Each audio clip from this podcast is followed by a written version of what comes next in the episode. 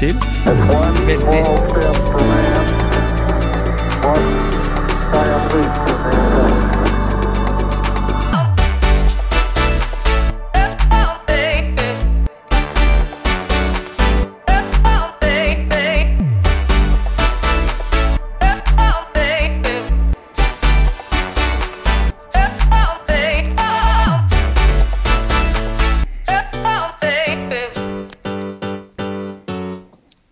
Ja, Gisle.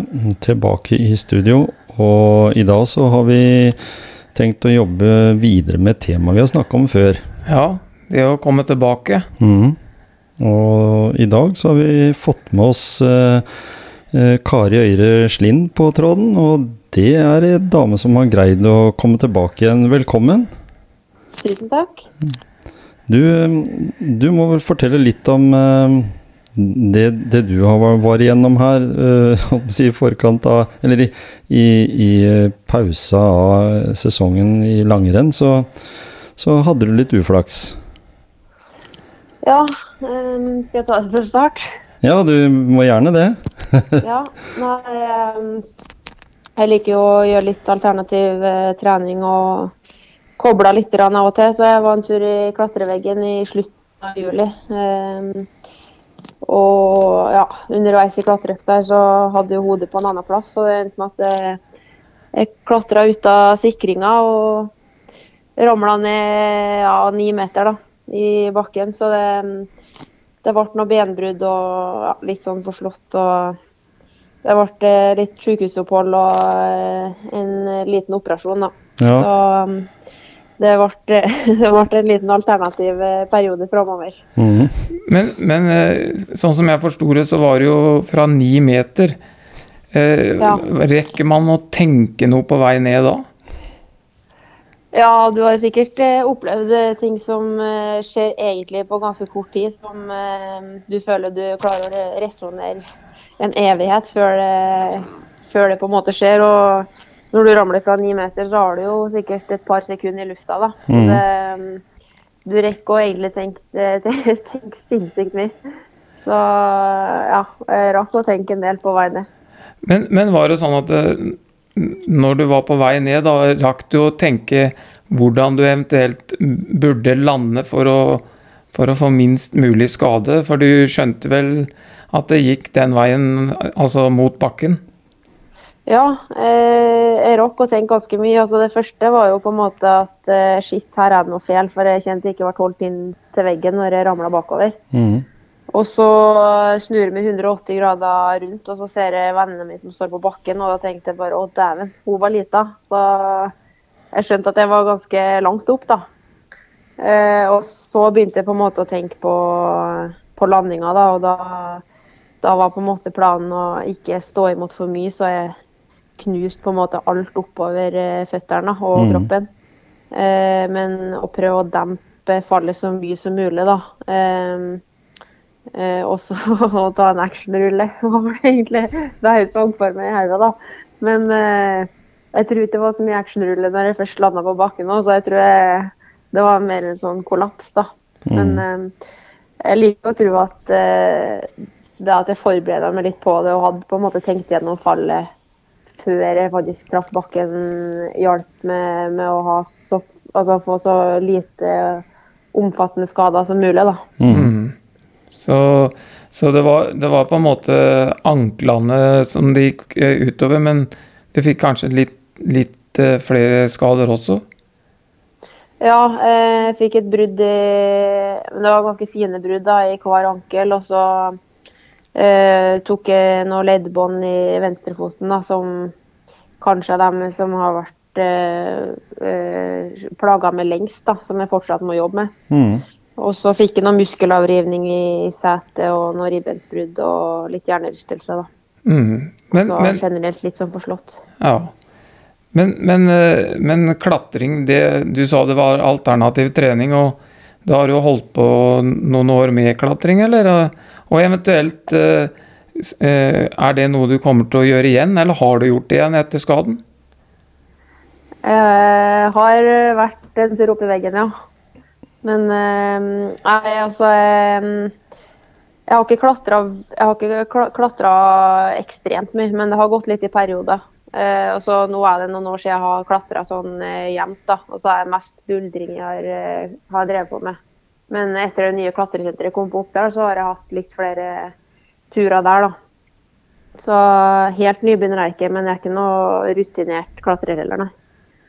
Men, men allikevel så tenker jeg når, når, du, når du har et sånt fall, da, så, så har jo du sikkert tenkt litt konsekvenser. For du, du har jo ambisjoner eh, innen langrenn. Så, så fikk du liksom en sånn Å nei, faen, liksom nå blir det mye greier. Ja, det, det Eller først så tenkte jeg jo at det gikk bra.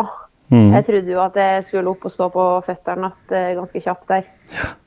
Men, eh, men så skjønte jo Altså når jeg prøvde å stå på føttene, så kjente jeg at det går ikke. Så, så da var det litt en sånn å faen, ja. Det er, da tenkte jeg sånn Det er så typisk meg at jeg skal eh, rote til med et eller annet. Altså, det var jo mest litt flaut at det, det er enda en greie, da. um, så, så ja, jeg tenkte, jeg tenkte jo framover hvordan det her blir med trening og hvilke konsekvenser det får, da. Men jeg Mhm. visste jo veldig lite der og da. Ja, så har du jo søsken også som, som går på ski, så da det blei ble det sånn familiegreie det der da, eller? Eh, altså, jeg sa jo ingenting, ingenting til mamma og pappa, for de var på ferie, da. Ja, ja. Og så eh, var det først For jeg ble jo sendt hjem igjen fra sykehuset. Ja, det var en lang historie der, da, men også, det var ingen som ringte 113, så det var jo veldig sånn Det var aldri noe full skanning på kroppen, og det tok veldig lang tid bare for å få tatt røntgen på anklene og sånn, da. Mm. Eh, men i hvert fall så så ble jeg sendt hjem igjen eh, etter den første natta, da. Og så fikk jeg oppringning fra sykehuset morgenen etterpå om at jeg måtte inn og operere den ene ankelen. Mm. Og da sa samboeren til søstera mi at eh, kanskje det er på tide å ringe foreldrene dine nå. så da ringte jeg da og sa hva som hadde skjedd. Mm. Men eh, det tok et drøyt døgn da, før jeg gjorde det. Hvor, hvor, lang, hvor lang tid tok det før du Ja, du bestemte deg sikkert eh, der og da for at jeg skal tilbake i sporet, men, men hvor lang tid tok det før du kunne begynne å gradvis trene deg opp igjen? Eh, ja, det er jo litt relativt, da. Det her skjedde jo på en eh, mandag, tror jeg. Så jeg var, jeg var på sykehuset fra tirsdag til onsdag. Eh, og da var jeg på treningssenteret første gangen på fredag. Da. Såpass.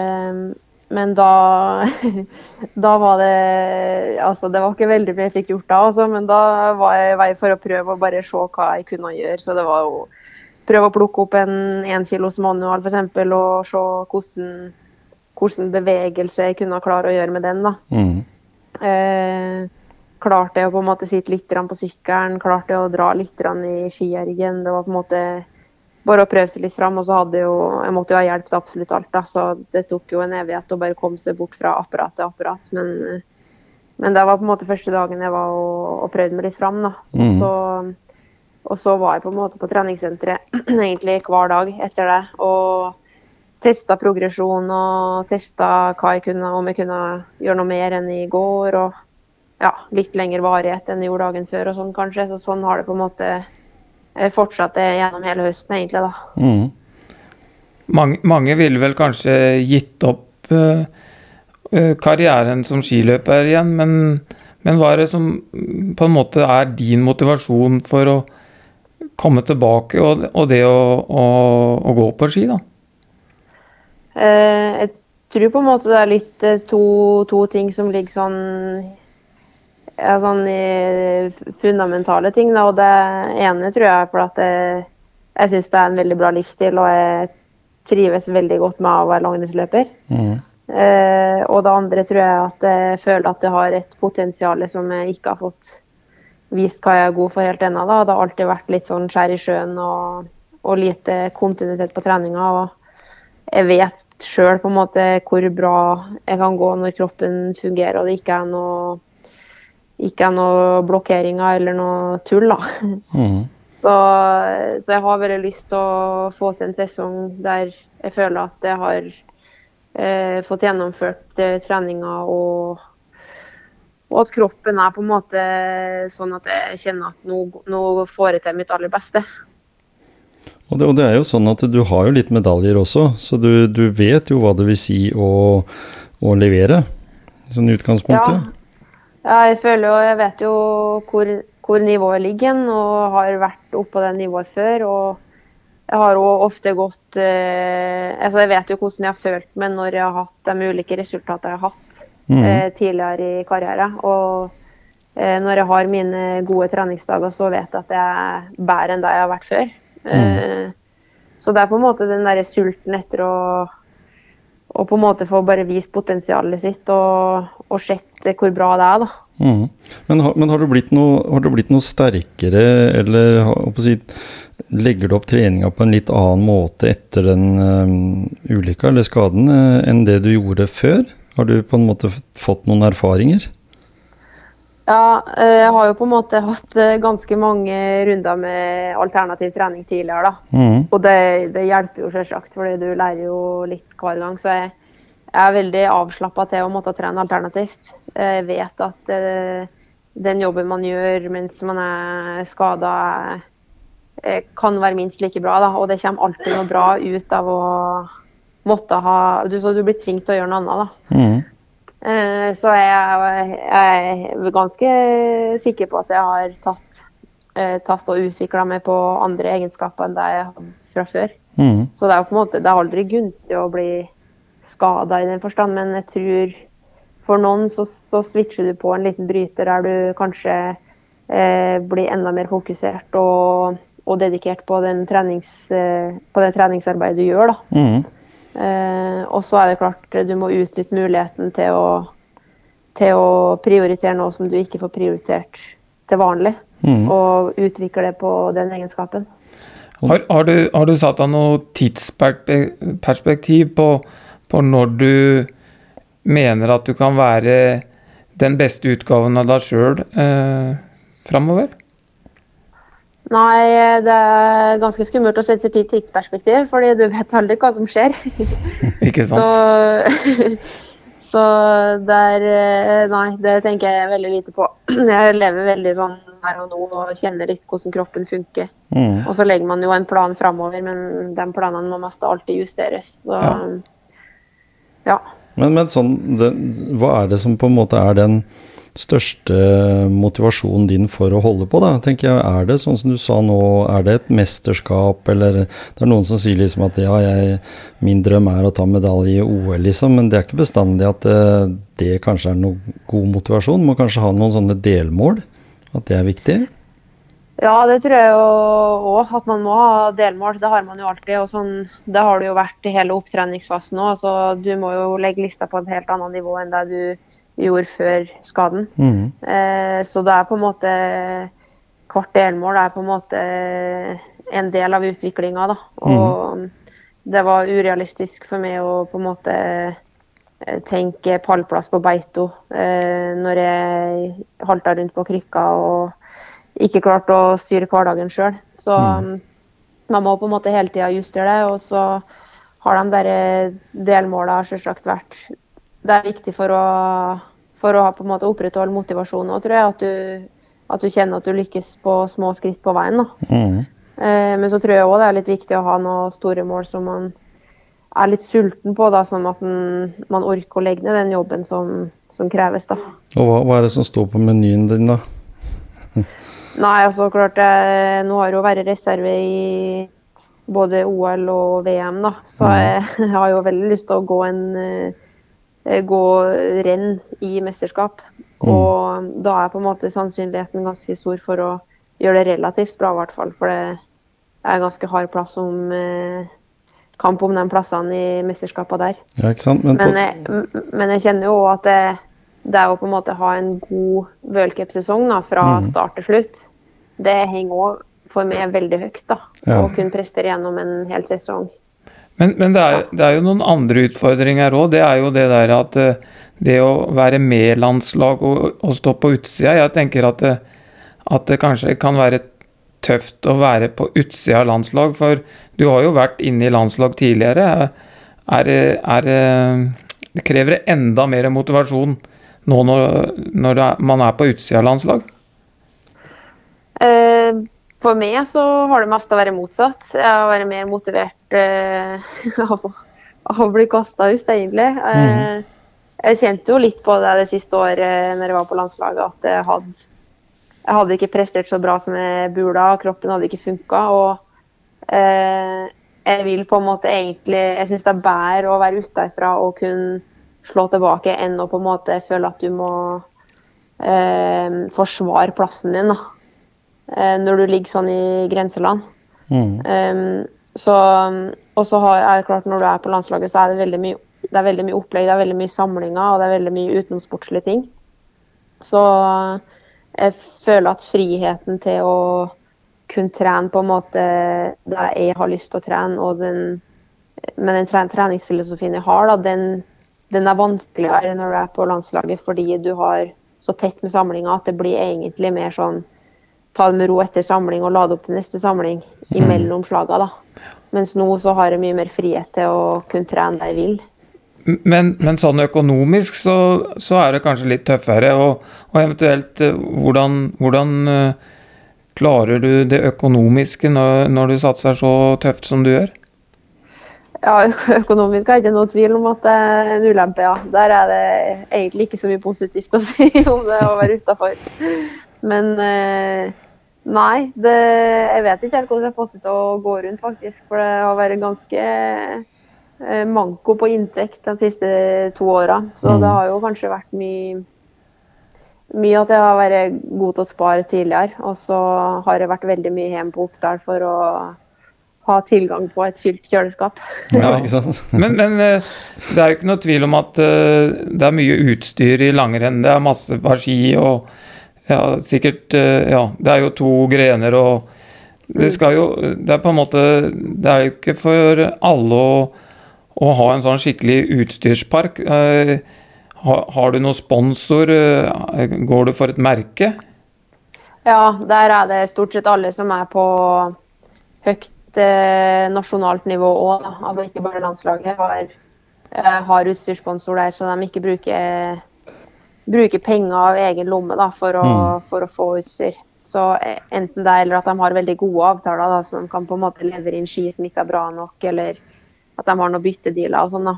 Så mm. um, på utstyr så er stort, stort, sett de fleste står ganske greit eh, eh, høyt opp i Norge, da. Det, det Men eh, være... det kreves veldig mye ressurser, ja det gjør det. Det bør jo være det, da, for Norge er jo sånn innen langrenn så er jo det sinnssykt Eh, trangt nåløye å være i toppen, vil jeg tro.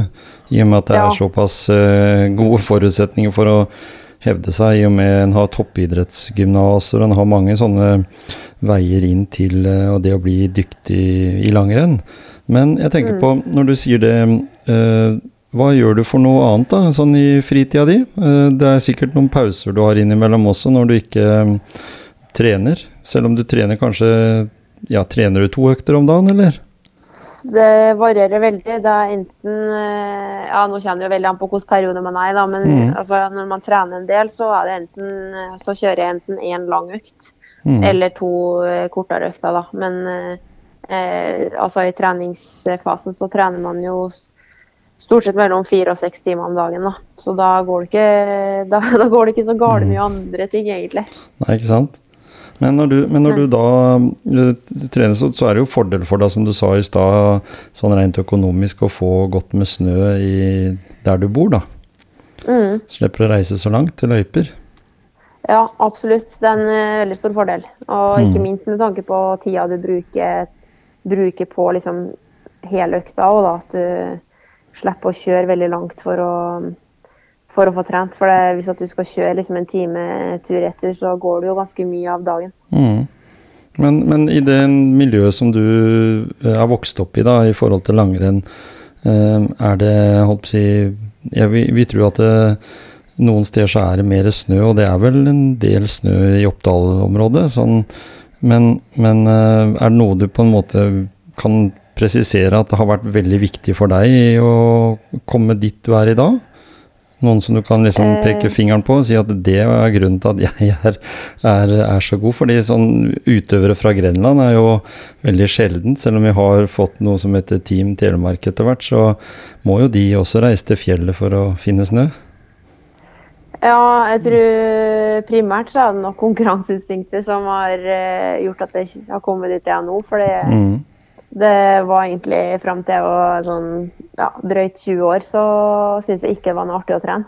Nei. Eh, jeg syntes det var artig å konkurrere, og jeg likte å gjøre det bra. Eh, og så trena jeg kun for å prestere, Ja. egentlig. Eh, og så hadde jeg ikke noe veldig stort miljø i klubben. Da. Det var, når, det, når jeg holdt på når jeg var yngre, så var det egentlig bare stort sett bare familien min, altså Astrid og Silje, da, Mhm. som gikk på ski. Og så var det pappa som var med oss på økta og la liksom til rette, da. ja. Så jeg hadde nok ikke satsa på ski hvis det ikke var for Astrid Silje, i hvert fall. Det er noe helt sikkert. Mm. Du, Eh, ja. du skulle konkurrere med søskna. Mm. Men, men for, ja, for det er jo i området ditt der, så er det jo mye nedoverski òg, er det ikke det? Ja, det for det? er, det er litt mer alpint, ja. Ja. Så jeg har jo tenkt på det noen gang at eh, sånn, som type så tror jeg kanskje jeg er mer sånn Jeg liker jo litt fart og spenning og sånn, mm. eh, og likte ikke å trene da jeg var yngre, men så er det jo vokser man jo inn i en familie der eh, eh, langrenn har fått eh, jeg har brukt mye tid på det på helgene, og det har vært liksom der som har vært interessen. Da. Så da Mhm. blir det fort sånn at det er der man begynner med.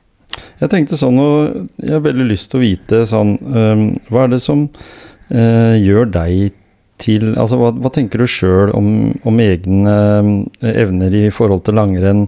Hva er det som gjør deg spesielt god? Jeg tenker på at du sa det der med å stå nedover bakker og sånt noe, for det vet vi at det der øh, var det jo sånn nå i helga som var, så tapte vel eh, Johaug en, eh, en distanse der fordi hun sto litt dårlig ned en bakke. Liksom tenker jeg det, det er jo snakk om hundre, eller ikke hundredeler kanskje, men i hvert fall tiendedeler ofte, for, fra medalje til det å ikke få.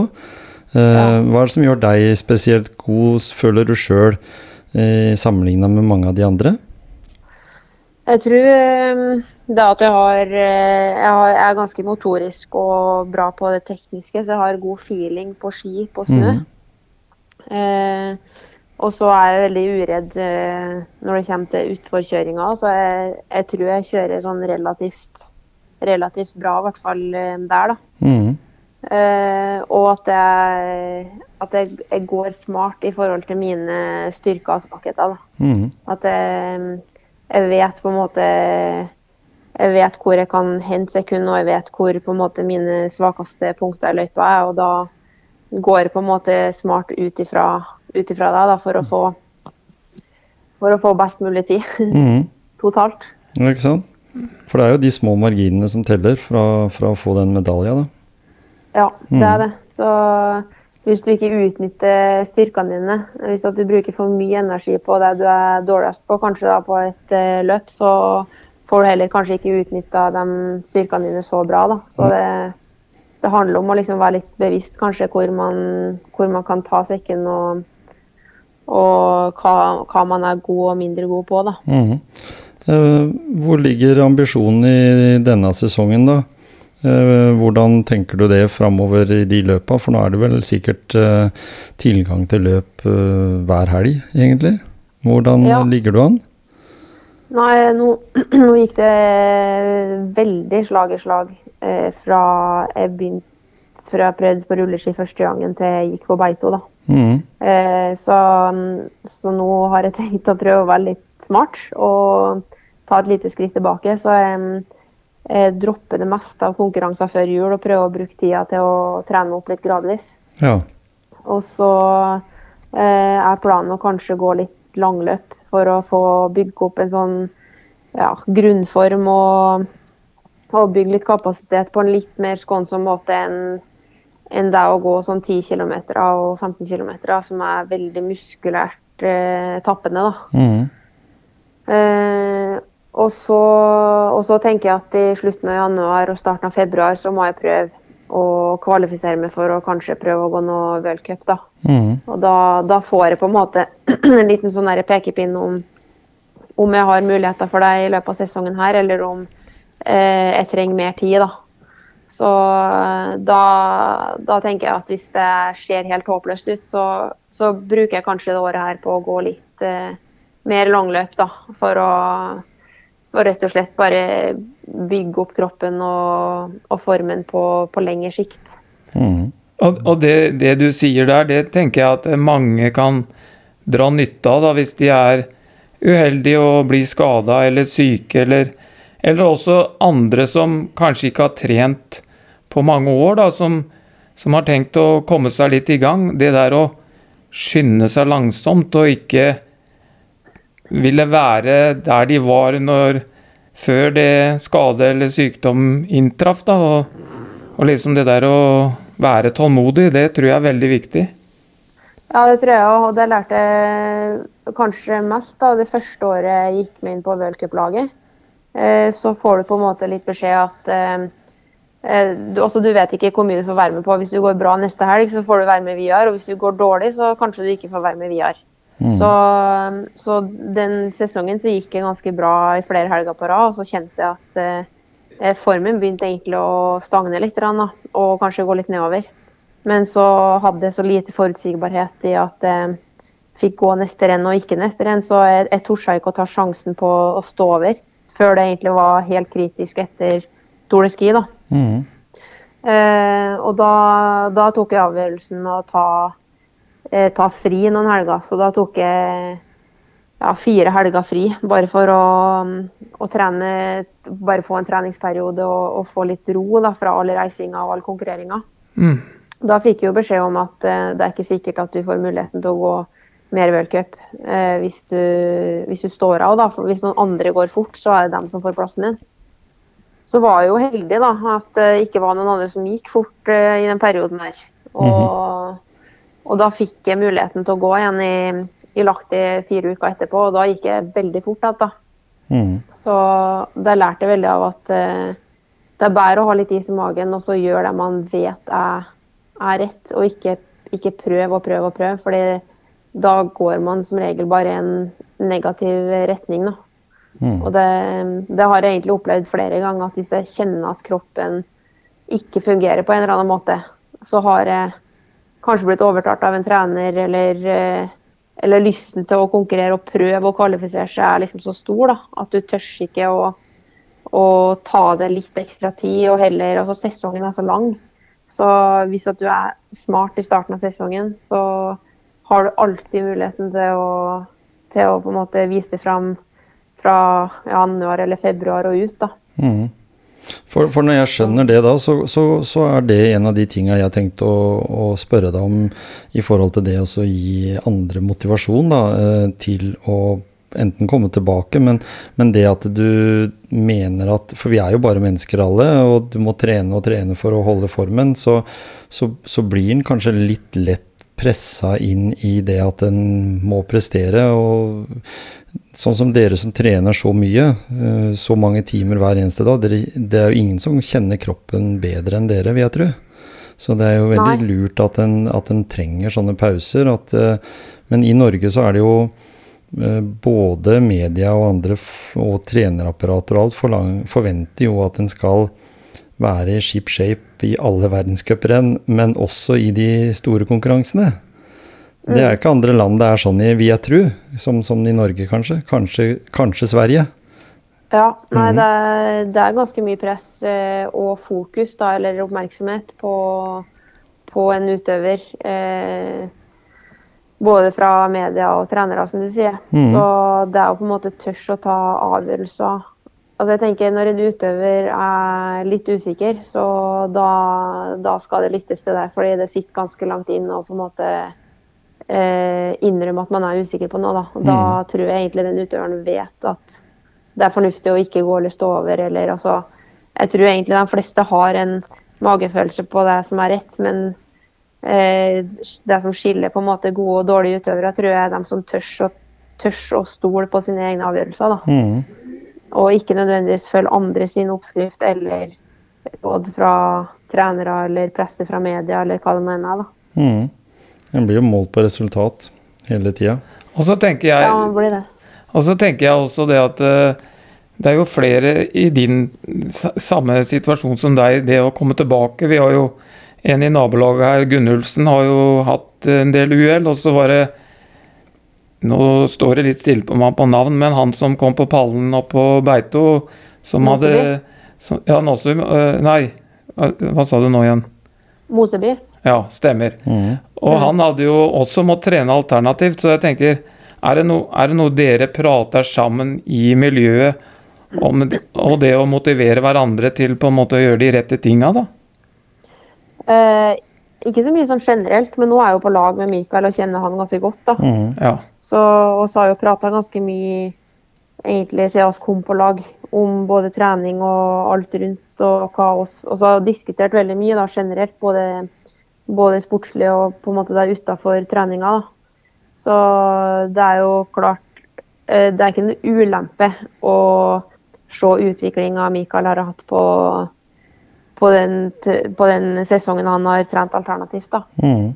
og sett på en måte hvor dedikert og målbevisst han er. Og jeg kjenner meg veldig mye igjen fra eh, tidligere skader òg, med sånn som han har jobba. da, Og føler oss være kanskje gått litt inn i samme beast mode begge to når, eh, når det skjer eh, uhell. Mhm. Så Det er jo ikke første gangen han har vært skada og vært uheldig heller. Så um, Nei, ikke sant? oss har mye, mye felles erfaring da, på det. Mm.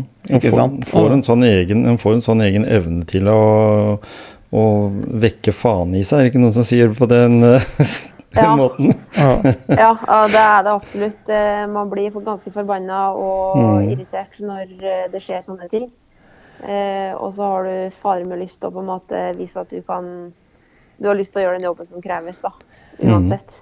Og det tenker jeg det er For våre lyttere, da, så, så er jo det veldig motiverende å høre den historien din, da, og, og det der, den derre Jeg kaller det jernviljen, ja, og så komme tilbake. Sånn at, at, at du også er en motivator en inspirator for andre, da. Det, det, Ikke gi opp. ikke gi opp.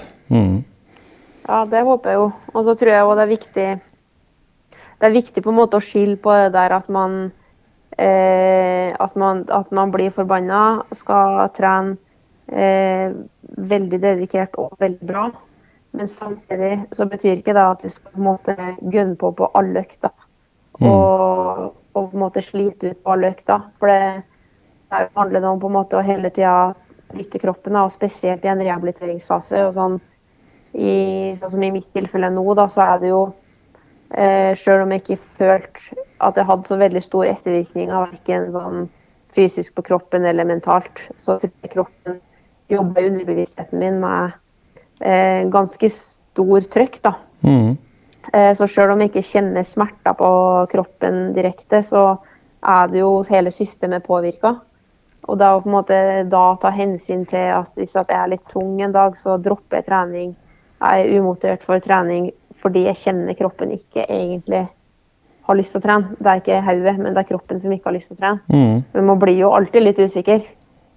Men det å tørre å ta sånne valg, da, det tror jeg er minst like viktig i en sånn fase, fordi kroppen skal også ha overskuddet til å rehabilitere. da. Mm. Mm. Nemlig. Og det, og det du sier nå, det, det styrker jo egentlig bare det Og, og setter to streker under at det, det målet du har satt deg framover, det kommer du til å nå. Mm. Ja, det, det, er, det jeg føler jeg meg ganske sikker på sjøl òg, da. Men det er jo aldri eh, noe selvfølge at det man tenker sjøl blir en realitet. Men eh, jeg tror du må ha eh, intens tro på det du gjør, hvis at du skal lykkes. Mm. Altså Med en gang du er usikker på om det du gjør er bra, så er det et litt dårlig tegn. Og da bør man kanskje sette fot, stikke fingeren i bakken og, og vurdere om det er på en måte treninga eller motivasjon eller et eller annet som gjør at man eh, ikke, ikke er overbevist om at det her skal gå. Mhm. Eh, Det at du har eh, hårete mål, det er veldig bra. Eh, Gisle og jeg, vi ønsker deg all eh, lykke videre i sesongen. Uansett hvordan resultatene blir, så vet vi det at du kommer sterkt tilbake når mm, gjelder. Best, best når det gjelder, er det ikke noe som heter det? Jo. Ja, det er det. Willy, Willy Railo sin bok het det, vet du. Ja. Veldig hyggelig at du ble med i Motivasjonspreik. Vi klapper for uh, de plasseringene du måtte få i, i uh, den sesongen som er, og eventuelt sesonger videre.